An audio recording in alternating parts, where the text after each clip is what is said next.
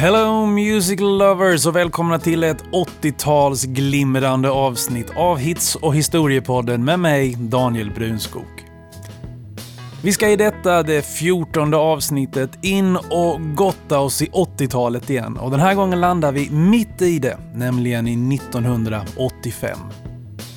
Precis som med de andra åren på 80-talet så var den ursprungliga listan av tilltänkta låtar mycket omfattande och väldigt mycket som jag ville haft med fick helt enkelt inte plats.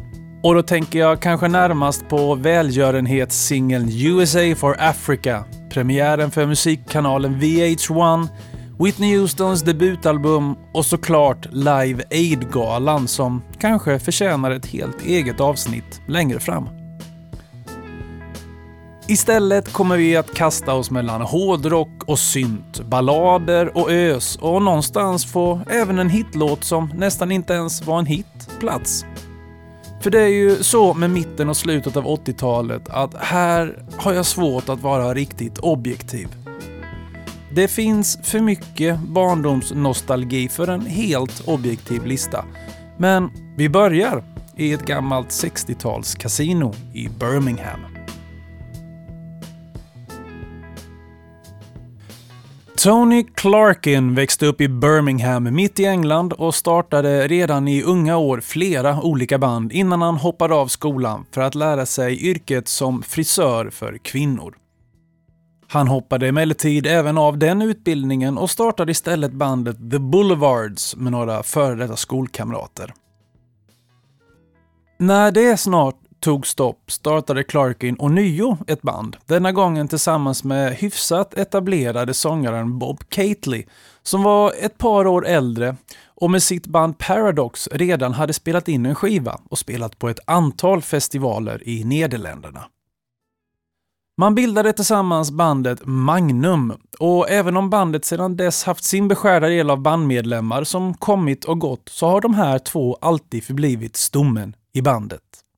Under åren 72 till 75 var Magnum husband på The Rum Runner i Birmingham, ett gammalt kasino från 60-talet som hade konverterats till nattklubb.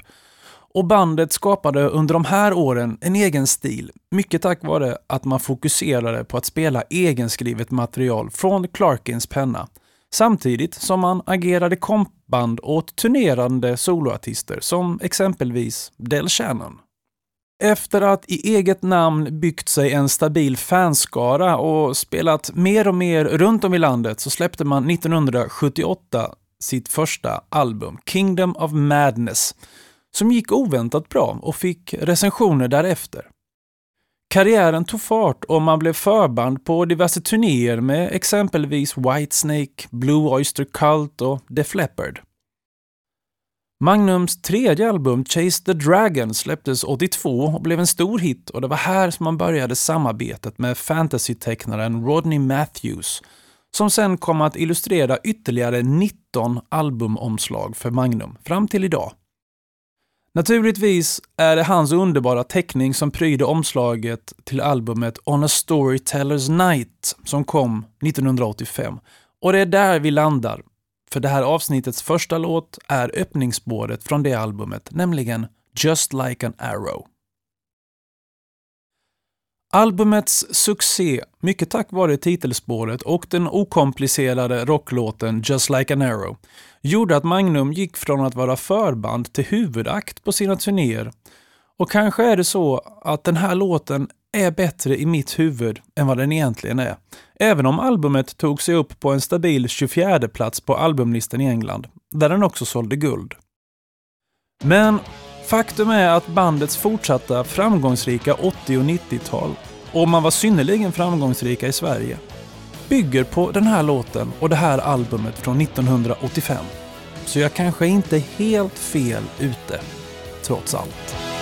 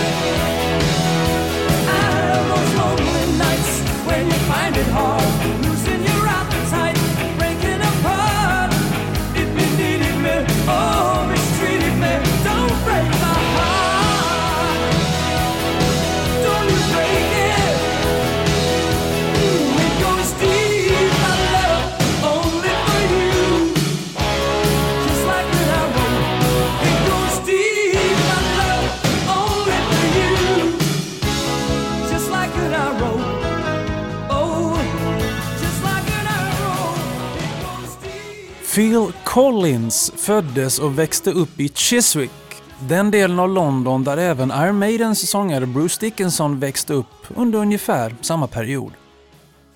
Collins började tidigt sin bana som underhållare, bland annat som barnskådespelare inom amatörteater och som modell.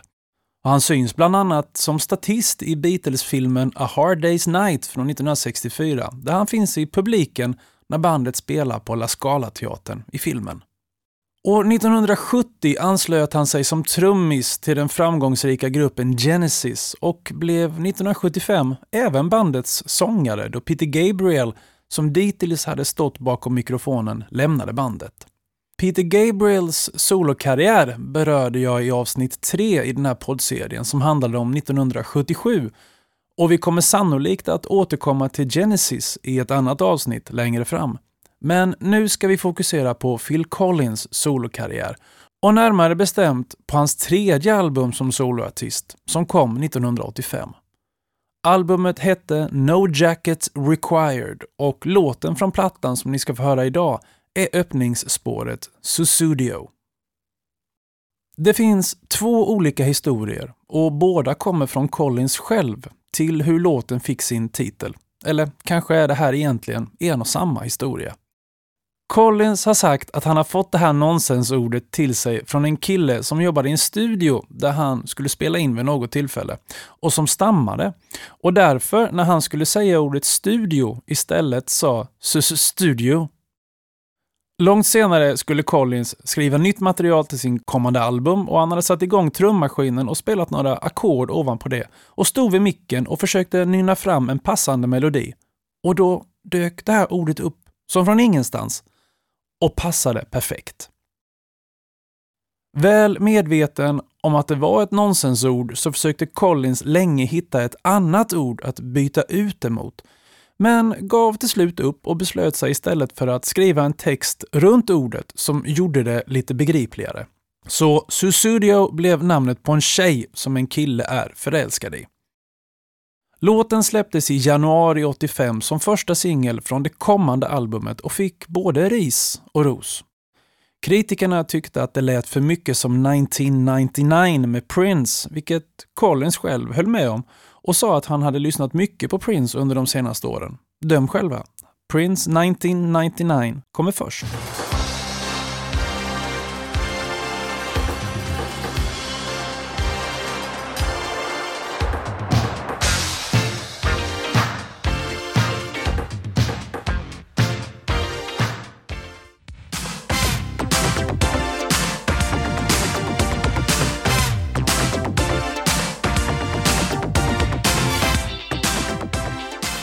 Publiken var mer förlåtande och både singeln och albumet toppade Billboardlistan under sommaren.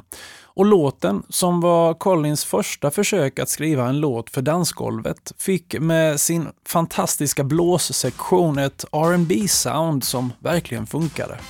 Än idag är det här en av hans mest spelade låtar och ett stående inslag på livespelningar. Och med den här funkiga syntbasen så fick Collins till och med en trummaskin nästan att svänga.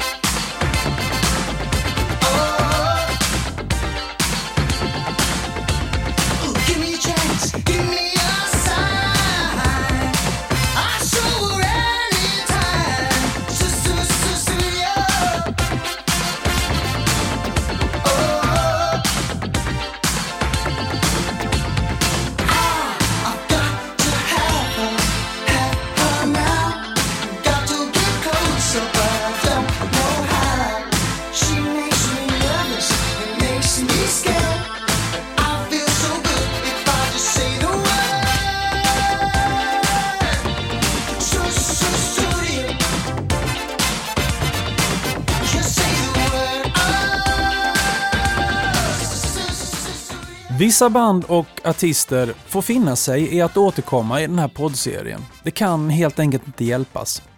Och ett av de band som redan dykt upp i avsnitt 9 som handlade om 1975 är Queen. Och nu, tio år senare, är det dags igen. Sedan vi hörde dem senast med Bohemian Rhapsody från albumet A Night at the Opera så har bandet nu släppt sju studioalbum. Trummisen Roger Taylor har släppt två soloalbum och sångaren Freddie Mercury ett. De sju albumen har varit traditionsenligt spretiga rent musikaliskt, där såklart det disco, funk och dansgolvsorienterade Hot Space från 82 sticker ut mest. Man har haft sju, åtta riktigt stora singelhits, bland annat We Will Rock You, Crazy Little Thing Called Love och Another One Bites the Dust. Och lika många till som inte lyckats lyckats fullt lika väl på singellistorna, men som idag är att betrakta som några av bandets klassiker, som till exempel Don't Stop Me Now, Under Pressure och Radio Gaga. Hösten 85 släppte bandet en ny singel som så småningom kom att inkluderas på bandets 1986-album A Kind of Magic. Och det är den låten vi ska fokusera på nu, nämligen One Vision. Låten genomsyras av citat eller parafraseringar från Martin Luther King Jrs berömda I have a dream-tal som han höll i augusti 63. Men den är också inspirerad av bandets upplevelse på Live Aid-galan tidigare samma år, där miljontals människor alla samlades kring en vision om en bättre värld. Musiken till låten var i huvudsak Brian Mays och texten skrevs till största delen av Roger Taylor, men hela bandet akkrediteras som upphovsmän till den här låten. Vilket var symboliskt, både sett till låtens tema men också till känslan i bandet som var att man nu hittat tillbaka till varandra på allvar. Låten spelades in i ett par olika versioner och singelversionen från 85 är en minut kortare än albumversionen från 86. Låten blev en stor hit i Storbritannien och Europa medan den bara nådde 61 platsen på Billboard Hot 100. Vilket i och för sig inte var så ovanligt då Queens singlar sällan slog i USA oavsett hur stora de hade varit i Europa. Men oavsett listplaceringar så var Queen nu tillbaka som en tight enhet och ingenting kunde där och då varit viktigare.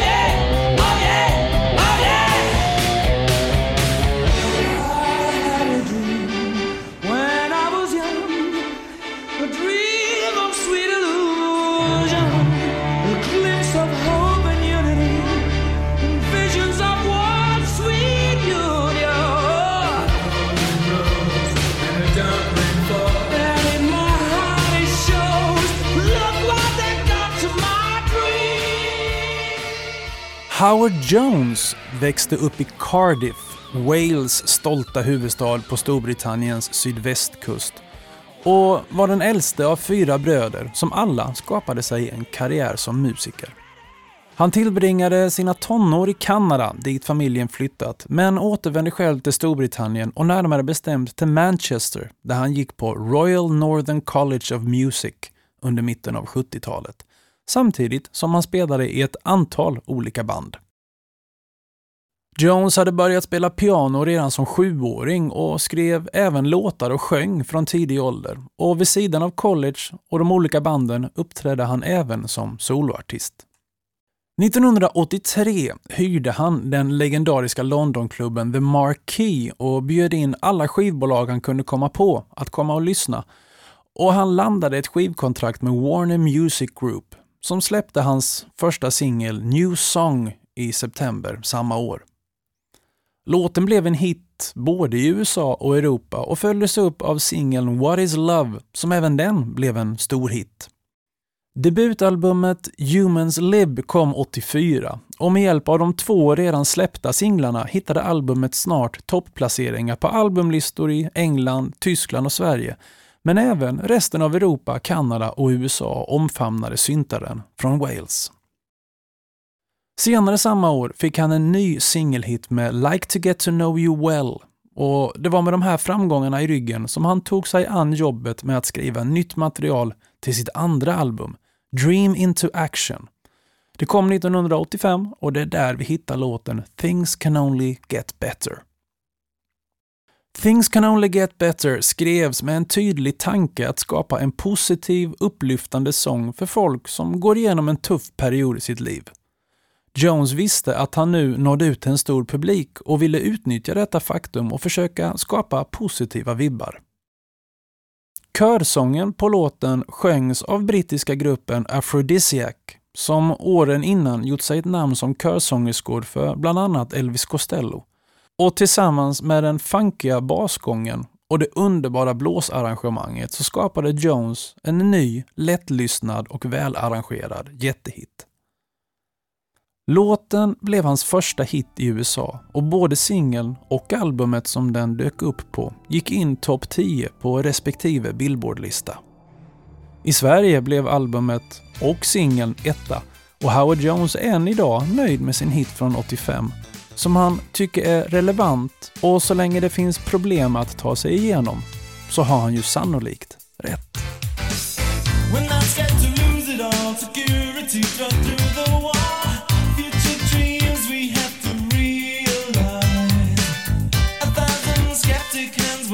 papers from the bank.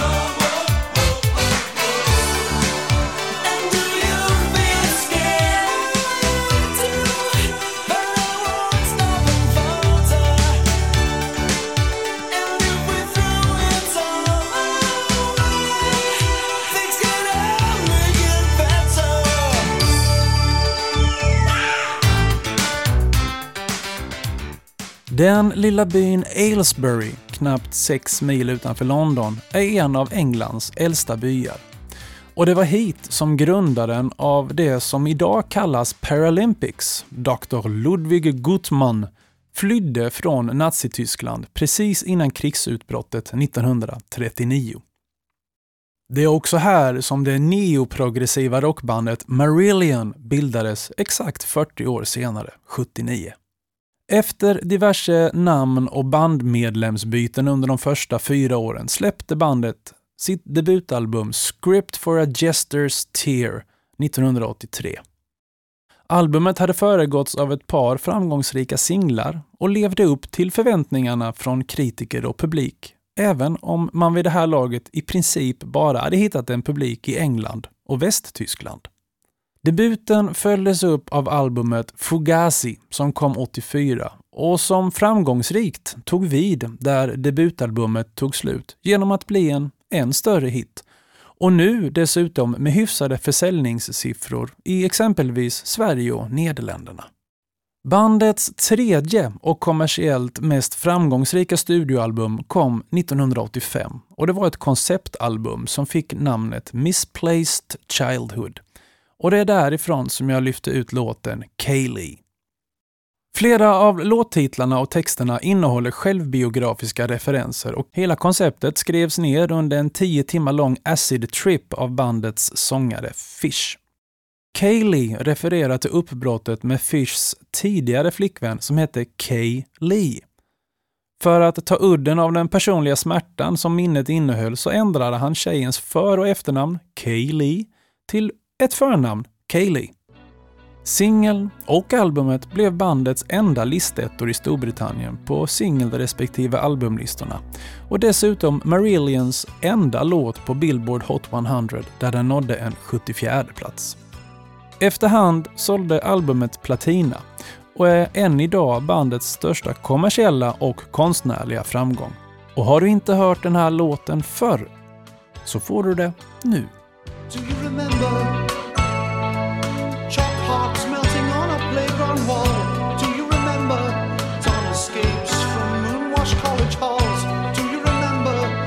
Cherry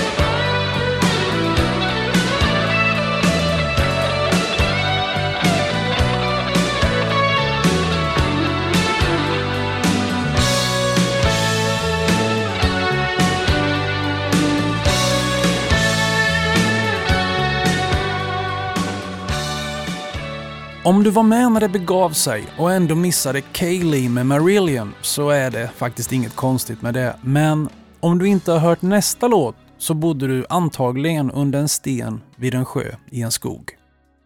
För nu är det dags för den enda låt på det tyska språket som någonsin legat etta på Billboard Hot 100, nämligen Rock Me Amadeus med Falco. Johan Hölsel som mannen bakom artistnamnet Falco egentligen hette, föddes och växte upp i Wien. Födseln var långt ifrån odramatisk och Falco var den enda av tre trillingar som överlevde. En känsla som han på olika sätt kom att bära med sig hela livet. Ibland tyckte han att han kunde känna dem bredvid sig, både fysiskt och psykiskt. Falco började visa tecken på ovanlig musikalisk talang mycket tidigt. Som litet barn kunde han hålla takten med trumslag i låtar som han hörde på radion och han fick en barnanpassad flygel när han var bara fyra år. Och Falco ville bli popstjärna från en mycket tidig ålder. När han var 16 blev han antagen vid Universitet für Musik und Darstellende Kunst Wien, som är en av världens största högskolor för musik och scenisk konst. Men han kände sig hämmad, blev frustrerad och hoppade av. Istället blev han snart en del av underground-scenen i Wiens pulserande nattliv och spelade bas i ett antal olika band. Och det var även i den här vevan som han tog artistnamnet Falco. Han fick ett skivkontrakt som soloartist och spelade in sin första singel, Helden von Heute, 1985. Men låten fick ett minst sagt ljummet mottagande när han spelade upp den för sin manager. Som däremot tyckte att låten som var tänkt som B-sida var mycket mer intressant. Den låten hette Der Kommissar. Men Falco var tveksam eftersom den låten kombinerade rapverser med en sjungen refräng. För även om rap började slå igenom i USA vid den här tidpunkten var det fortfarande ganska ovanligt i Europa. Men hans manager insisterade och Der Kommissar blev den första singeln. Som mycket riktigt blev en stor hit i Japan och över hela Europa. Förutom i England. Och när bandet After the Fire gjorde en cover på den låten, fast med en engelsk text, så nådde den en femteplats på Billboard Hot 100. Av detta lärde sig Falco två saker. Upplägget med rapverser och melodiska refränger funkade. Och det vore bra med lite fler engelska ord i texten för att kunna slå i USA. Han tog med sig dessa två riktlinjer till de holländska musikproducenterna Boland Boland som 1982 släppt den här låten.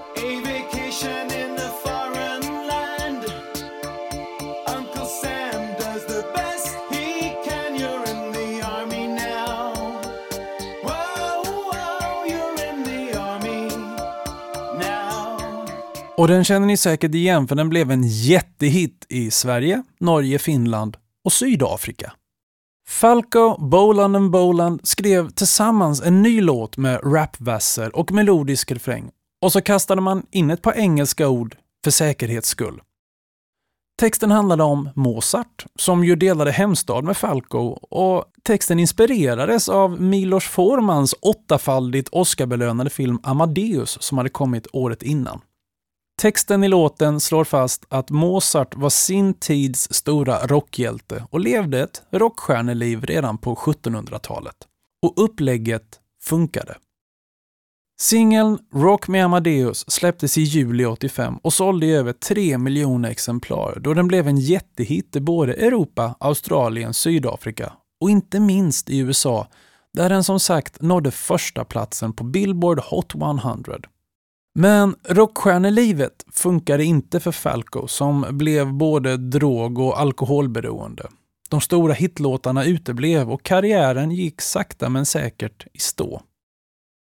Han bosatte sig så småningom i Dominikanska republiken där han 1998 höll på att slutföra vad han själv beskrev som sitt stora comeback-album när han omkom i en trafikolycka bara 40 år gammal. Albumet släpptes postumt och blev en stor hit i tysktalande länder, men för resten av världen tog det stopp redan med Rock me Amadeus, som är en av de coolaste låtarna från hela 80-talet.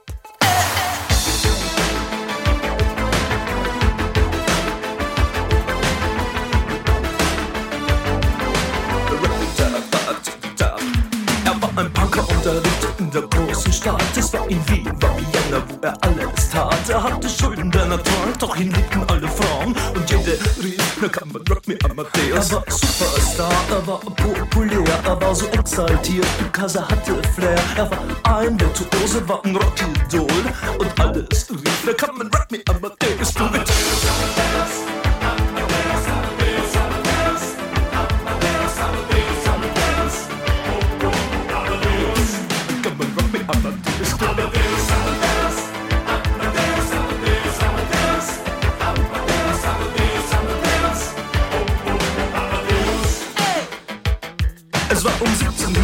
und es war irgendwie no Plastic Money anymore. Die Banken gegen ihn. Woher die Schulden kamen, war wohl jedermann bekannt. Er war ein Mann der Frauen, Frauen liebten seinen Punk. Er war ein Superstar, er war so populär, er war zu exaltiert, genau das war sein Flair. Er war ein Virtuose, war ein Rocky Doll und alle suchten heute Captain Rock Me Amadeus.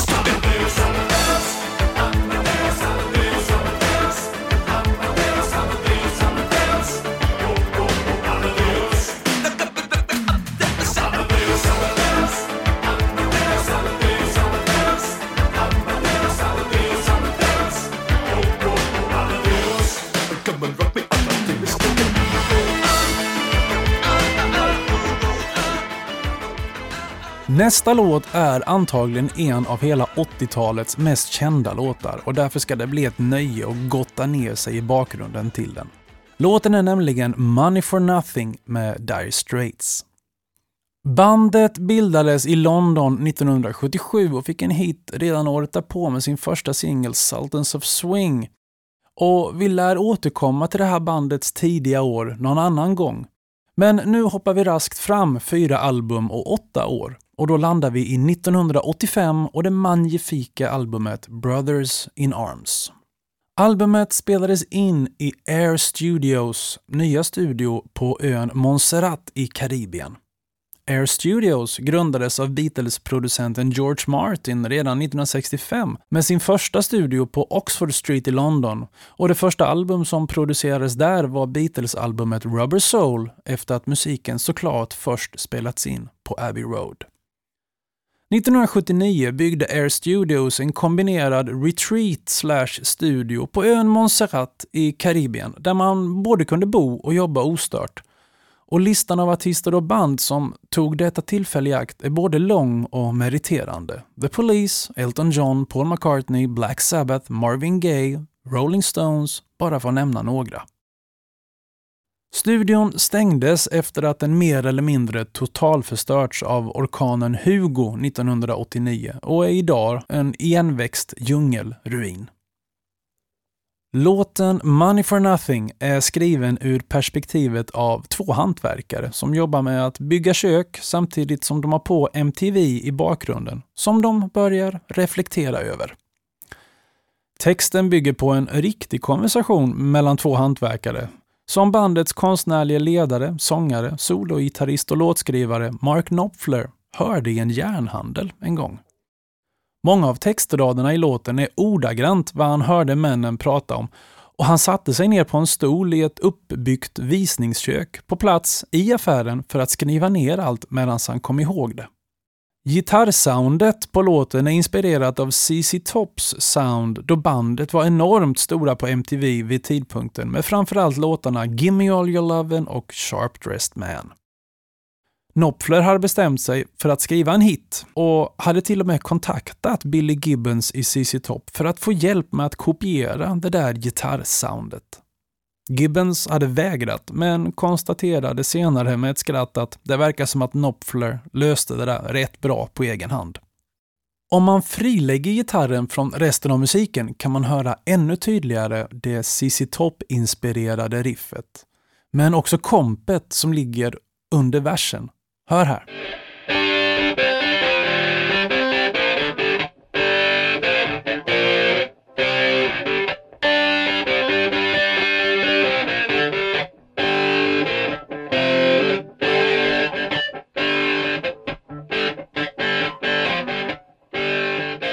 När låten var så gott som klar hälsade vännen Sting på i studion för middag en kväll.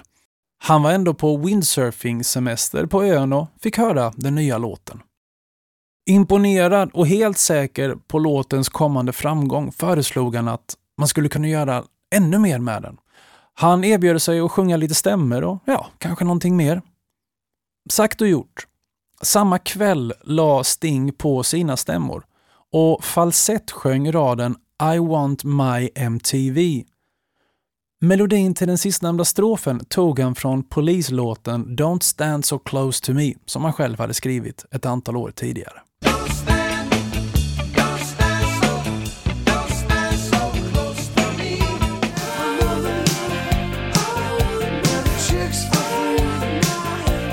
Singeln släpptes i juni, som den andra från albumet Brothers in Arms som hade kommit en månad tidigare.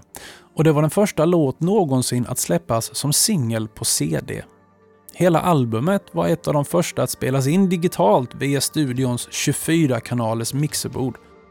Och Knopfler låg alltid i framkant när det gällde att få till så bra ljud som det överhuvudtaget var möjligt. Videon till låten bestod till största delen av animationer och var helt banbrytande för sin tid. Och dessutom den första video att spelas på MTV Europe när den kanalen kickade igång 1987. Singeln vann både Grammy och priser på MTV Video Music Awards och Money for Nothing blev listetta på Billboard Hot 100 och var en av låtarna som gjorde att albumet Brothers in Arms idag med sina drygt 17 miljoner sålda exemplar, är ett av de bäst säljande någonsin. Mycket money onekligen, men knappast for nothing. Eller hur? Look at them yo-yos, that's the way you do it. You play the guitar on the MTV. That ain't working, that's the way you do it. Money for nothing and your chicks for free. Now that ain't working. That's the way you do it. Let me tell you,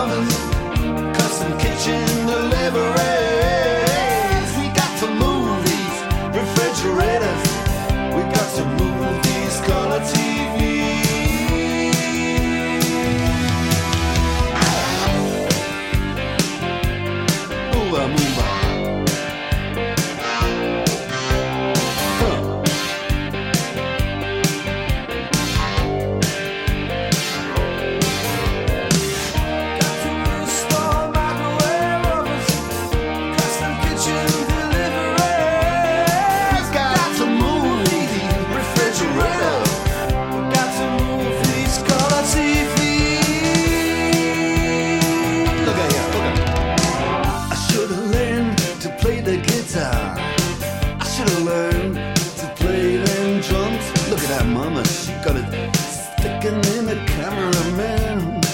Oh, we could have some. And he's up there. What's that? Hawaiian noises. He's banging on the bongos like a chimpanzee. Oh, that ain't working. That's the way you do it. Get your money for nothing, get your chicks for free. We got to install microwave oven, custom kitchen deliveries.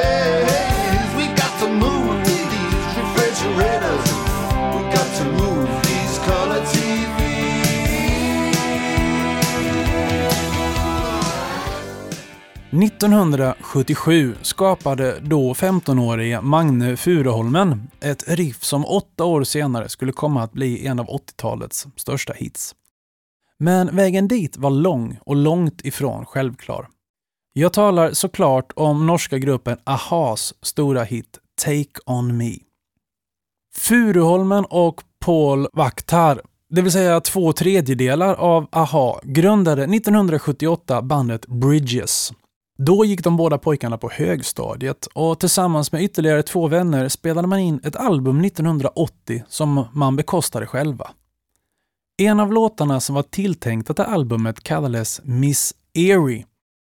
Men man fick aldrig riktig ordning på den, så den kom aldrig längre än till demostadiet. Men den demon ska ni få höra lite av här.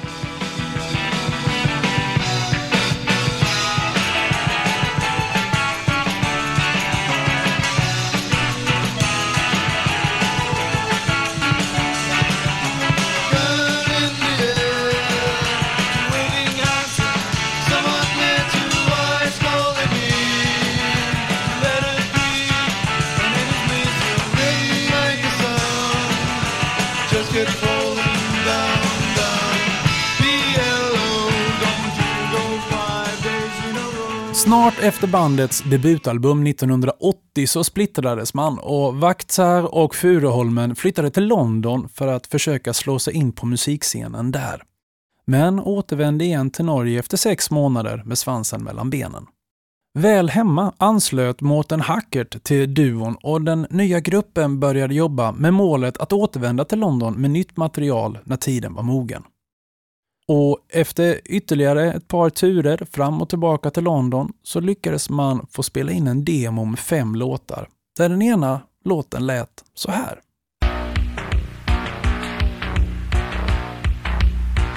You take it.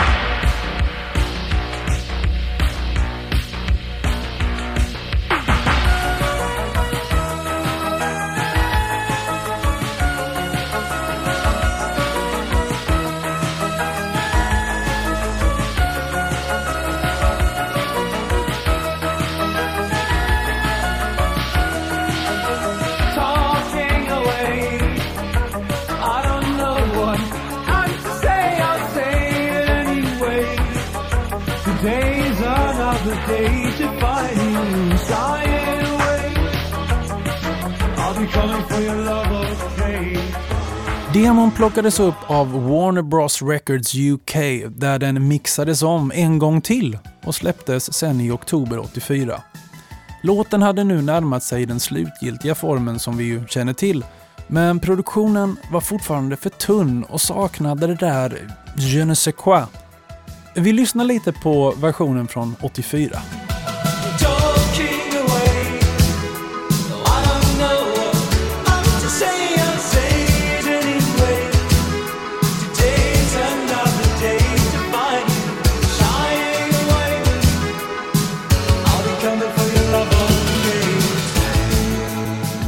Låten floppade, men gruppen lyckades tjata sig till möjligheten att spela in ännu en version och oväntat nog så gick det stora skivbolaget med på att investera i inspelningen. Nu hamnade den i händerna på producenten Alan Tarney, dittills mest känd för att ha skrivit och producerat Cliff Richards listetta We Don't Talk Anymore 1979. Han lyssnade på de olika versionerna av låten och plockade isär delarna, behöll det som var bra, arrangerade om och la till. Dessutom fanns ju nu pengarna, studiotiden och kunskapen att göra det noggrant och från scratch.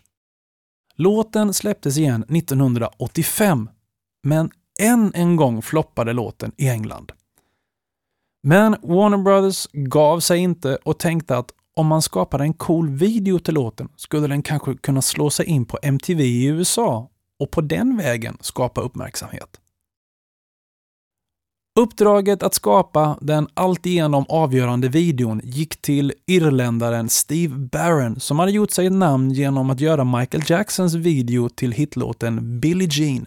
Och som i samma veva som han jobbade med AHA också gjorde videon till Dire Straits Money for Nothing som vi pratade om tidigare. Videon till Take On Me släpptes på MTV i USA i maj 85, en månad innan singeln släpptes i landet. Och strategin att videon skulle driva singeln visade sig vara spot on. Låten rusade upp på Billboard Hot 100 när den släpptes och nådde första platsen i oktober. Och därifrån erövrade låten resten av världen.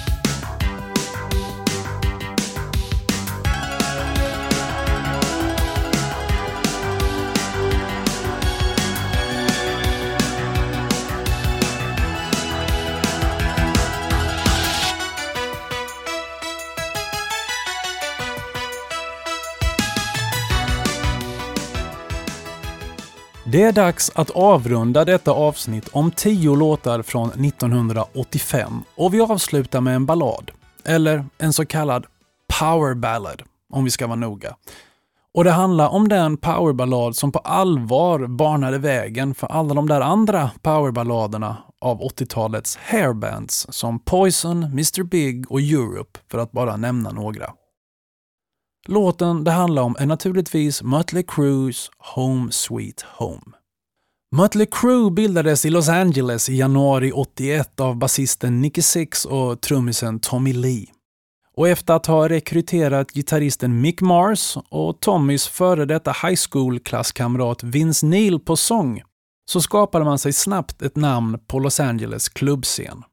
Man släppte sitt självbekostade debutalbum Too Fast For Love i november samma år. Albumet sålde förvånansvärt bra, över 20 000 ex, och bandet plockades upp av Elektra Records som mixade om albumet och släppte det på nytt i augusti 82. Mötley Crues rykte som riktiga bad boys var inledningsvis till stora delar PR-tricks skapade av skivbolaget för att få publicitet, men bandets medlemmar gjorde också vad de kunde för att hjälpa till. 1983 släpptes sen uppföljaren Shout at the Devil där framförallt låten och inte minst videon till låten Looks That Kill gjorde att gruppen snabbt nådde stor framgång över hela USA. Och albumet har fram tills idag sålts i över 4 miljoner exemplar. Succén med Shout at the Devil gjorde att man fick chansen att vara förband till Ozzy Osbourne på dennes Bark at the Moon Tour som från november 83 till januari 85 exponerade Mötley Crüe till en ny publik över hela världen. Bandets tredje album, Theatre of Pain, släpptes i juni 85 och med den startade en ny glamrockfas för bandet. Vilket snart efterhärmades av flera nya band som till exempel Poison och Europe, men också av mer etablerade band som Whitesnake och Aerosmith. Theatre of Pain blev en kommersiell framgång och nådde nummer 6 på Billboards albumlista. Och det är från det albumet som jag har plockat balladen Home Sweet Home. Låtens pianogrund skrevs av bandets trummis Tommy Lee varpå basisten Nicky Six hjälpte till att ge låten form och text. Medan sångaren Vince Neil gjorde sitt för att bidra med en melodi. Låten skrevs efter att bandet kommit tillbaka till Los Angeles efter nästan två års oavbrutet turnerande. Men det var långt ifrån självklart att låten skulle finnas med på nästa album. Skivbolaget protesterade stort och tyckte att låten inte alls representerade bandet. Men Mötley Crüe stod på sig och låten fick plats på skivan. Men när de ville ha en video till låten, då sa skivbolaget stopp. Då bekostade bandmedlemmarna själva videon och skickade den till MTV, där den fullkomligt exploderade. Home Sweet Home la därmed grunden till bandets fortsatta karriär som de kommande sju åren skulle gå mer eller mindre spikrakt uppåt. Innan man, som så många andra 80-talsband, splittrades i början av 90-talet. Men Precis som de som splittrades då, så skulle gruppen, trots kvarvarande interna spänningar, hitta tillbaka till varandra. Och på nyårsafton 2015 spelade man sin avskedskonsert. Såklart på hemmaplan Los Angeles. Och såklart avslutade man hela konserten med Home Sweet Home. Tusen tack för att ni har lyssnat på det här avsnittet av Hits och historiepodden med mig, Daniel Brunskog. Vi hörs snart igen. Ha det gött. Hej! You know I'm a dreamer, but my heart's a.